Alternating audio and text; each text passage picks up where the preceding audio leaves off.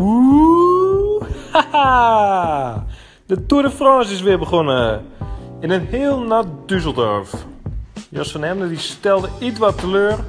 En van verder die moet na dag 1 de Tour alweer verlaten. Enorme domper voor Movistar. Tony Martin die komt niet aan de tijd van Jaron Thomas. Die voor Team Sky het eerste geel binnenhaalt.